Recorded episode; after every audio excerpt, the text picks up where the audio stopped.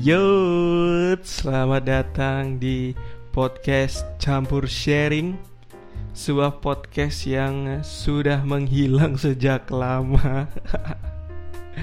Jadi ini dulu sebuah podcast yang hanya berisi dua episode.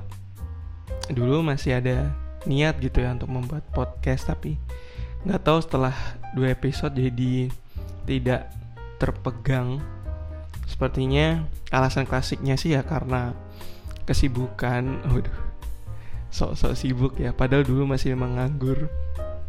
Tapi karena ya dulu karena ini sih karena kendalanya kan bikin podcastnya harus malam-malam dan uh, di rumah kondisi rame jadi harus malam banget dan kadang kalau malam sudah ngantuk atau kalau malam kadang keluar gitu kan jadi uh, tidak terpegang si podcast uh, campur sharingnya tapi nggak tahu kenapa tiba-tiba uh, ada niatan ada sebuah wahyu gitu ya datang entah dari mana terus kepikiran buat merimik merimik si podcast ini ya. Hitungannya sih buat uh, tempat cerita aja sih dan mungkin uh, formatnya akan lebih bukan lebih akan berbeda. Kalau dulu uh, planningnya kan untuk membuat renungan. Tapi kalau sekarang pengennya sih ingin uh, apa ya konten ngobrol. Jadi podcastnya tentang ngobrol ya pengen pengen ngajak uh, teman-teman gitu sih.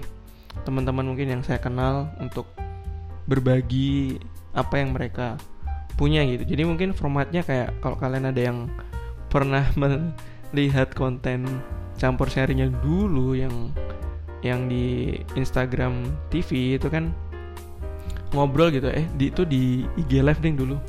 Itu kan ngobrol nah pengen kembali mengobrol dengan teman-teman saya gitu. Tentunya dengan bahasan yang uh, apa namanya mereka mereka punya dalam artian mungkin bakat atau pekerjaan atau pengalaman yang uh, mereka punya atau mereka pernah alami gitu. Semoga bukan wacana. Jadi uh, saya mencoba untuk men-trigger diri saya dengan mengeluarkan prolog ini. Semoga dengan prolog ini uh, itu menjadi trigger bagi saya uh, dalam artian udah ngeluarin episode prolog ini terus kalau gak berlanjut kan apa sama apa bedanya dengan yang dulu gitu kan? Ya semoga uh, podcast ini bisa berjalan. Karena kalau sekarang karena posisi saya sekarang sambil ini update update kehidupan gitu ya. Sekarang saya di Surabaya ngekos kembali jadi anak kos kembali jadi cukup aman lah untuk eh, suara-suara motor lewat. Karena di sini kosnya cukup dalam jadi cukup masuk gang jadi gak ada terganggu suara-suara motor. Jadi seharusnya nggak ada alasan untuk uh, kendala rekaman gitu ya. Emang saya sukanya mencari-cari alasan. Sekarang uh, buat update kehidupan ya sekarang saya di Surabaya. Puji Tuhan akhirnya saya uh, ya jadi seorang guru sebuah uh, apa ya cita-cita mungkin atau sebuah tujuan yang pengen saya raih sejak SMP kelas 3 tragedi buta warna jadi kalau yang belum tahu ya pasti kalian tahu buta warna ya. Dan saya adalah salah satu orang di muka bumi ini yang uh, memiliki mungkin ya memiliki. Tapi buta warnanya parsial. Kok jadi tenang. Saya kalau melihat kalian itu tidak hitam putih kelabu. Tapi cuma beberapa warna yang uh, tidak bisa dilihat gitu. Jadi kalau mungkin kalian belum pernah tes buta warna jangan ditunda-tunda ya. Cobalah tes jangan sampai kalian kaget di usia yang sekarang. Tahu kalau kalian buta warna kan agak kaget ya. Nah, itu jadinya yang membawa saya mungkin jadi ya jadi seorang guru. Tapi ya ini juga suatu hal yang akhirnya gitu ya kayak ternyata bisa juga gitu. Karena fun factnya angkatan saya itu adalah angkatan yang menyedihkan angkatan anak-anak 97 atau yang angkatan saya itu angkatan yang menyedihkan. Kenapa? Karena dimulai dari SD SD angkatan saya itu UN UN itu ada paketnya itu SD eh kok SD maksudnya? Pas saya kelas 6 dan UN nah itu baru pertama kali ada paketnya. Paket soalnya gitu. Oke itu percobaan yang pertama. Di SMP kelas 3 itu juga UN-nya menggunakan 30 paket. Jadi setiap anak itu paketnya beda-beda. Ya bukannya pengen mencontek atau gimana ya cuma kayak wow ini pembuat soalnya tuh kayak niat-niat sangat niat gitu ya bikin 30 soal paket berbeda gitu. salut salut dan tidak selesai di situ. Kelas 1 SMA angkatan saya adalah uh, angkatan percobaan kurikulum 2013 ya terbayangkan karena percobaan angkatan yang kurikulum 2013 itu basisnya yang uh, guru sebagai fasilitator dan siswa lebih aktif. Jadi ya seperti itulah banyak presentasi gini-gini. Terus ya seperti itu banyak presentasi dan mungkin sedikit kaget karena kan ya di SMP nggak pernah diajarin buat itu kan. Tiba-tiba langsung kurikulum 2013 dan belum berhenti di situ saja tenang. Masih banyak cobaan untuk angkatan saya.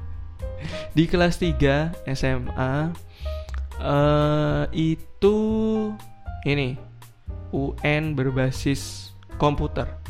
Itu angkatan saya juga. Pertama kali. Jadi tidak ada referensi tuh UN bakal seperti apa. Ngejain di depan komputer. Ya agak capek ya. Karena kan dulu tidak seperti sekarang. Kalau zaman dulu itu sekolah masih di ruang kelas bukan di ruang zoom ya. Dibuat anak-anak zaman sekarang yang sekolah online. Dulu sekolah itu pernah di kelas ya tapi karena juga mengalami sih. Mungkin ini buat cucu-cucu kita besok ya. Mungkin kalau sekolahnya tetap online tapi jangan deh. Tidak asik sekolah online. Nah yang angkatan saya kelas 3 SMA itu pertama kali itu UNCBT pakai komputer. Ya kebayang ya gapteknya seperti apa nggak pernah ujian pakai komputer terus pakai komputer. Apalagi matematika. Matematika harus menghitung dan harus bolak-balik lihat layar lihat kertas. Ya itulah. Belum berhenti di situ, angkatan percobaan ini. Kuliah oke okay lah kuliah. Di akhir kuliah di semester berapa ya? semester 8 masa-masa skripsi bertemu dengan corona. Itu kayak udah di akhir udah mau finish masih saja ada cobaan ya. Ya ini levelnya udah bertingkat ya. Kalau tadi kan mungkin dari uh, instansi gitu ya pendidikan tentang UN dan lain-lain. Nah, ini ini levelnya sudah dunia levelnya dunia menyerang mahasiswa semester 8 sebenarnya yang kasihan tuh ya teman-teman saya sih. Uh, kalau saya nggak terlalu. Jadi kan karena kuliah pendidikan itu kebanyakan skripsinya harus ke sekolah, harus mengambil data kan. Dan otomatis karena corona ya tidak bisa dong.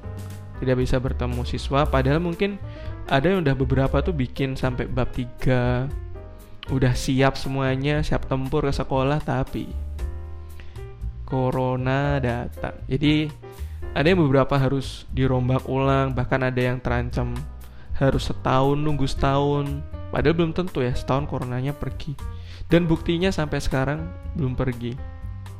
Jadi kita kasih tepuk tangan dulu buat pejuang-pejuang skripsi corona. Tapi akhirnya ya pada akhirnya semua bisa terlewati. ya ya harus harus terlewati kan nah itu uh, sidang online wisuda online ya memulai kehidupan online. Nah tenang belum berakhir. Coba di angkatan uh, angkatan saya tuh belum berakhir. Kenapa? Karena di tahun saya lulus uh, itu ada info dan ada aturan baru kalau lulusan pendidikan itu tidak bisa mendaftar CPNS. Jadi yang harapannya nih mau habis lulus mau jadi guru PNS gitu ya hilang sirna gitu ya. Kenapa? Karena programnya diganti jadi P3K sekelas info aja. Jadi P3K namanya uh, yaitu ya ya gak jauh beda sama CPNS lah intinya. Cuma ada beberapa yang berbeda gitu kayak mungkin tunjangan dan lain hal gitu. Tapi yang bisa mendaftar itu adalah adalah guru-guru honorer dan eh, guru-guru uh, yang sudah tercantum di Dapodik lah datanya gitu. Jadi fresh graduate tuh nggak bisa. Cuma ada kabarnya ada kemungkinan untuk bisa juga tapi masih simpang siur gitu. Jadi kayak lengkap sudah ya cobaannya gitu ya dari SD sampai kerja nggak bisa mendaftar uh, CPNS gitu untuk tahun ini. Nggak tahu kalau tahun depan kebijakannya itu bakal berubah atau tetap tapi mungkin enggak enggak sih kayaknya. Cuma emang tujuannya baik. Kenapa?